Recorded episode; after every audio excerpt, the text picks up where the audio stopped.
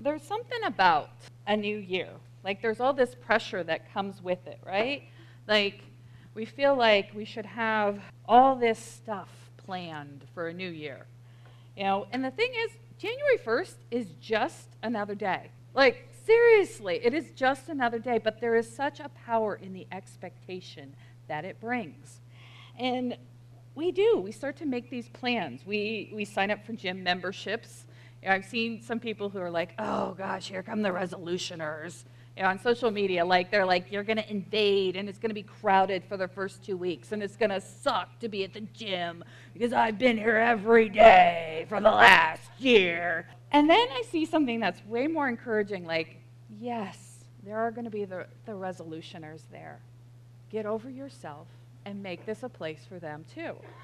And I think sometimes we need that attitude in life as well. Like we, we get like kind of grumpy and bitter with people that seem to invade our space, and let, yet there is still room for people. And we need to make some room for people. We need to make some room for ourselves. But there is. There, we do have these expectations. And, and even if we don't make resolutions, they're kind of, they're out there. You know, you may go, well, maybe, maybe I should.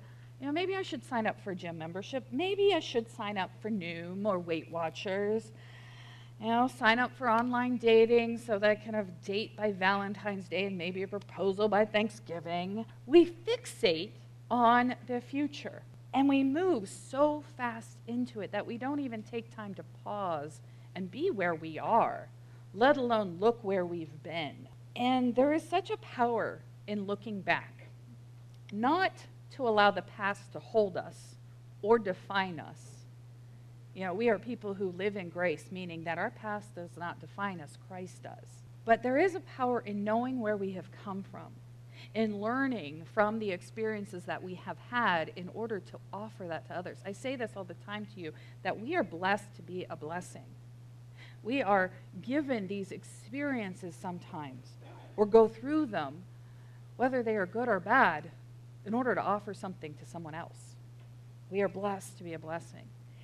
And so often we don't take time to recognize what the blessings we have to offer others. Because sometimes that blessing is empathy. Sometimes that blessing is compassion because we know how hard that is, what they're going through. And we resist taking time to pause and reflect. And part of it is just the demands of life, you know, family, work, um, social obligations, like they pull at us and they fill our calendar so quickly that it leaves very little time for us to pause and reflect, that we have to fight for that. And this constant busyness really does interfere with that. But we also avoid it, I think, sometimes because we don't like to be uncomfortable. You know, sitting down and kind of looking at yourself and looking at your life can make you a little uncomfortable because you have to take note of the things that maybe didn't go so well, some places that are hard and painful and sad, and we avoid that. And then we have this lovely distraction of living in a digital age where we have at our fingertips constant distraction and entertainment that allows us to really avoid feeling uncomfortable we can just numb out with a few YouTube videos, go through some reels. You know, my husband calls it getting caught in the loop. you know, he's like, I went to look at this one video and then suddenly it's two hours later. Um, and I don't know what I've watched, but the time is gone. And so all of these things interfere with us being able to take time and reflect on our lives. But there is such a power in it, especially in our faith because it allows us to, one, know ourselves and know places where maybe we are growing or need to grow. It's kind of like looking in the mirror. Know what you look like, you know? Know, know what's going on. Know what is in your life, what has come and what has gone. And it also offers us an opportunity to deepen our connection, not only with ourselves, but with God, because we start to see where He is in our lives. And that we also have an opportunity when we pause and think about what has happened, where we have been, where we are going, even, is to kind of learn from life is to start to notice maybe some patterns. You know, sometimes we joke, oh, yeah, she's definitely got a type. You know, meaning that she continues to date the same kind of guy and it ends up the same way every time. Know, that they're not going to commit, but she keeps hoping that they will. And so often in our lives, we don't notice those patterns because we don't take the time to stop. And, and that's not just kind of relationally, it can happen in our work lives, it can happen in our faith practice as well.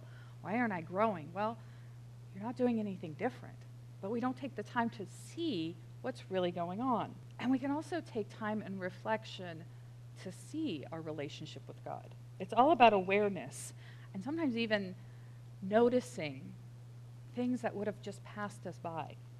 So there is a power in reflection. And I want us to take some time this morning to reflect, to look back, to actually think, and maybe go, go to some hard places. And so this morning I want to start with the idea of, of grief. And you know, the, the power in this is that grief is a hard thing for us, especially as Americans. You know, we avoid sadness at all costs. And there is a beautiful power, though, in grieving because it means that we experience something that meant something. And I want us to take some time this morning. Um, you have paper on your tables, you have cards as well, index cards. You are welcome to use any of those at any point in the service to, to help facilitate this. And I want us to take a moment in the beginning here is to name some hard moments for you from 2023. Maybe there was some loss, maybe a loss of a loved mm-hmm. one, maybe a difficult season that you went through. Maybe you're still in it, even. Maybe something ended that was really good, like maybe there was a graduation but there's still some loss in it. I think back to like high school, like I was glad to be done. I was way glad to be done. But there were also some, some moments of loss of, of that time with friends that was regularly structured into my day that was no longer there.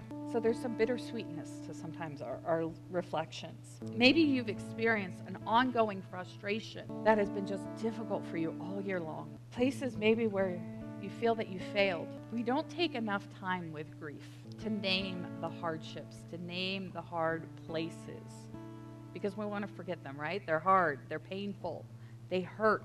I have a fractured uh, fibula, and it has been painful to to walk on it, and yet it is in the walking on it that the healing happens. Now, yes, I have had a, a boot and a brace, but I've had to engage with the pain in order to experience healing, and that is what grief allows us to do. So, yes, I want us to get uncomfortable with our grief, our sadness.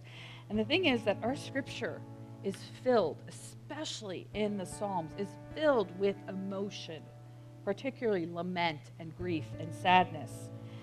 And it's a powerful means of connecting with ourselves and God. It allows us to really know what we value because we recognize the power in the loss and the absence. And the thing is that God is near us in our grief. This is a verse from Scripture that I fully believe is ingrained in my heart because I go to it so often. It comes to us from Psalm 34, verse 18. The Lord is close to the brokenhearted and saves those who are crushed in spirit. So often in our grief and our sadness, we feel alone, and yet we are not because God is with us. God is, is present to us it is he's he's saying i see you. I hear you even when it feels like nobody else does. I see you.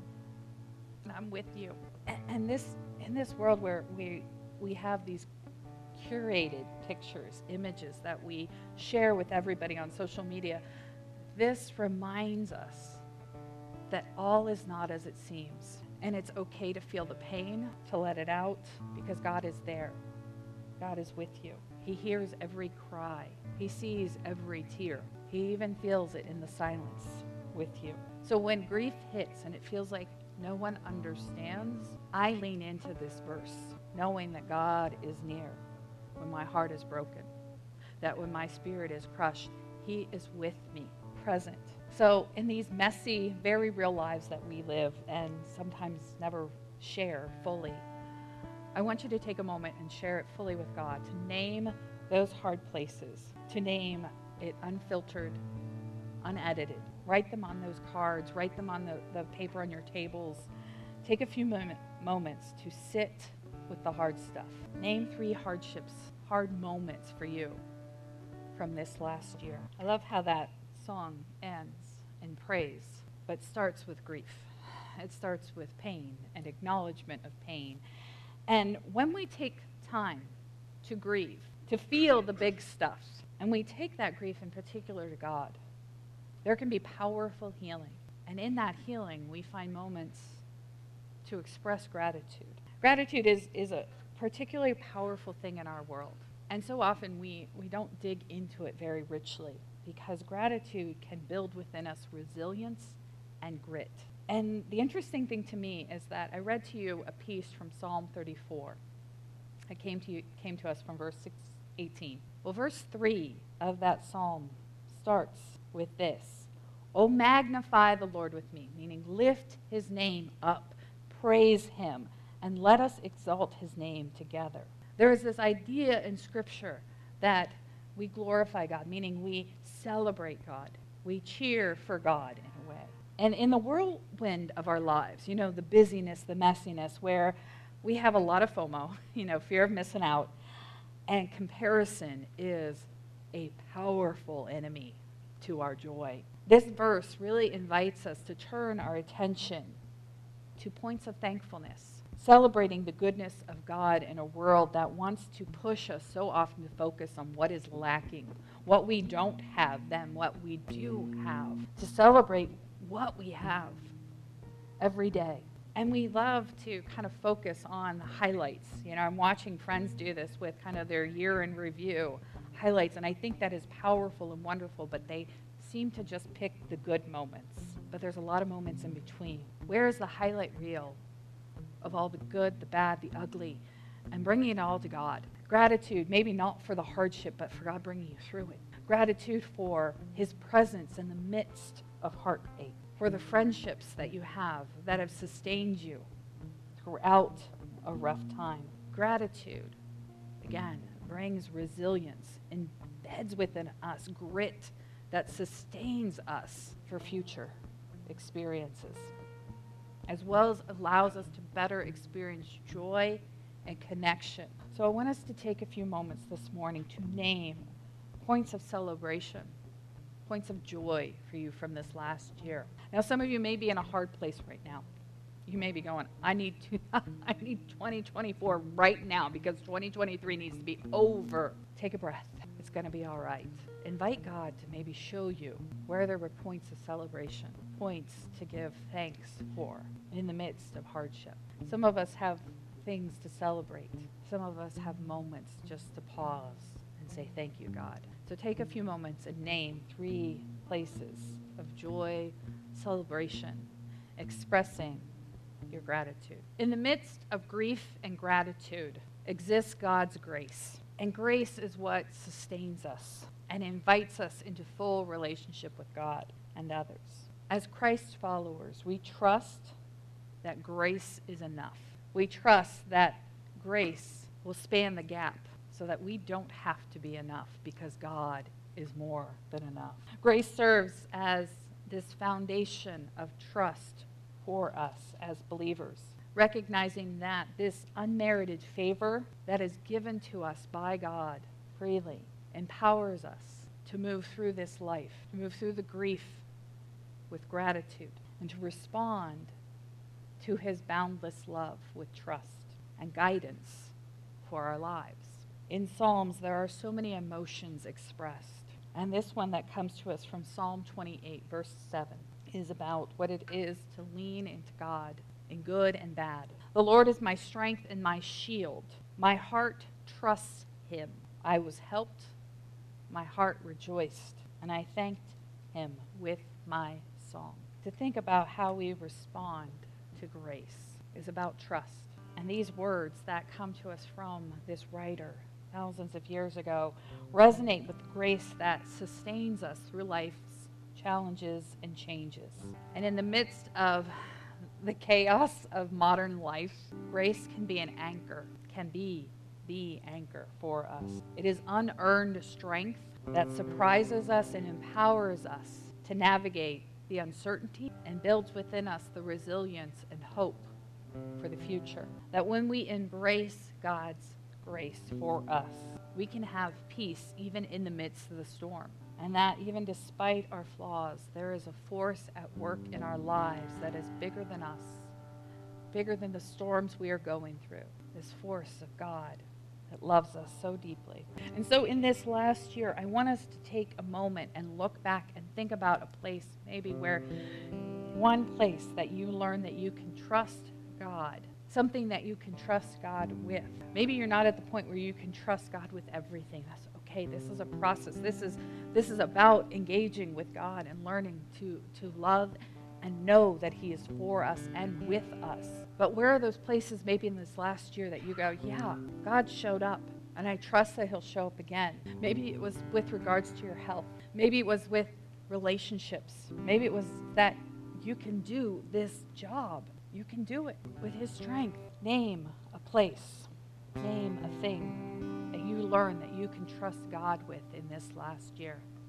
Take a moment, and, and it, may not come to you immediately. It's okay. This isn't quick work. This is why we don't do it so often, is because it requires us to sit and pause and think and invite God maybe into this. God, where, where have I learned to trust you in this last year? Show me. Show me, no matter how big or small it is.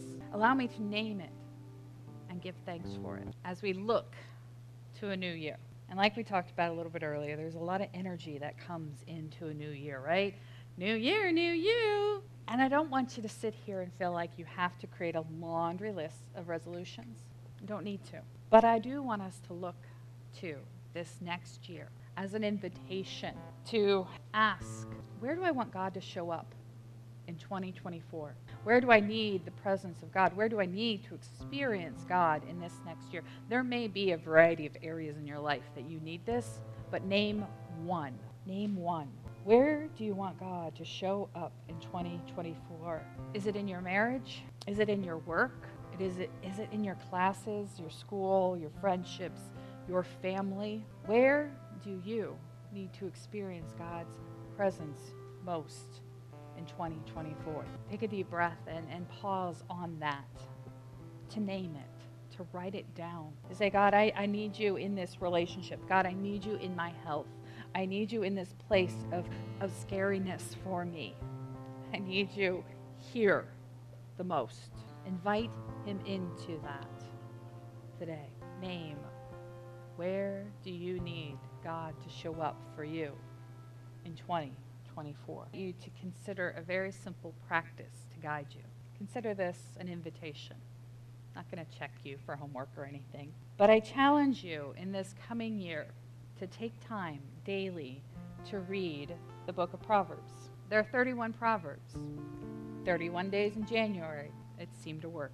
We've spent time this morning in Psalms, which is very emotional and emotive. And that's not to say that Proverbs isn't, but Proverbs is known for being a guide for practical wisdom and faithful living. That its goal was always to kind of impart discernment, discipline, and understanding. And it addresses so many various aspects of life relationships, work, our words, our character. Purpose was to equip individuals with wisdom for faithful living and to lead the readers to a God centered relationship and a life that flourished in that faith. Now, if you choose to accept this mission for January, I do want to give you just a little nugget because within Proverbs, this this phrase, fear the Lord, fear of the Lord, and it doesn't mean what it sounds like it means. This is the thing about reading scripture is sometimes we have to sit with it a little bit longer, which makes us a little worry, a little resistant of doing so. But fear of the Lord does not mean that we have terror or dread of God, but rather that there is this deep, deep reverence for who God is, this awe for God, a respect that acknowledges his holiness, his sovereignty, his power and authority over all creation. So I, I, wanted to give you that if you choose to do this, because I know that that can sometimes cause us to stumble as we read and reflect on these words. But I believe that if you take time in the next month to do this, it will invite you to reflect regularly. That the power in reflection happens when it is a habit. And this is this is the power of it. But the idea that there are simple choices that we make that become our actions, and our actions become our habits, and our habits become our lives. So, in a new year, I invite you not to have a resolution, but maybe to make a simple choice that becomes an action that then can become a habit that becomes your life. I want you to do this, not because I get any extra points for you reading scripture, but because I believe it will offer you a moment daily to reflect, to maybe take those things that you wrote on that card or the table and make them a part of your daily living. To maybe make that place that you named where you got need God to show up in this next year a prayer that you offer up every day. And so I want you to, to consider starting this practice tomorrow of reading through Proverbs. And to help you with this, we've created a very simple text devotional. So all you have to do is sign up, and then it comes to you every day.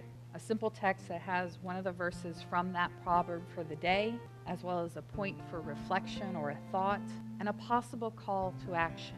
And to do this, to simply sign up to receive these daily devotional texts, just text the word New Year to our text number, which is 833 332 8915.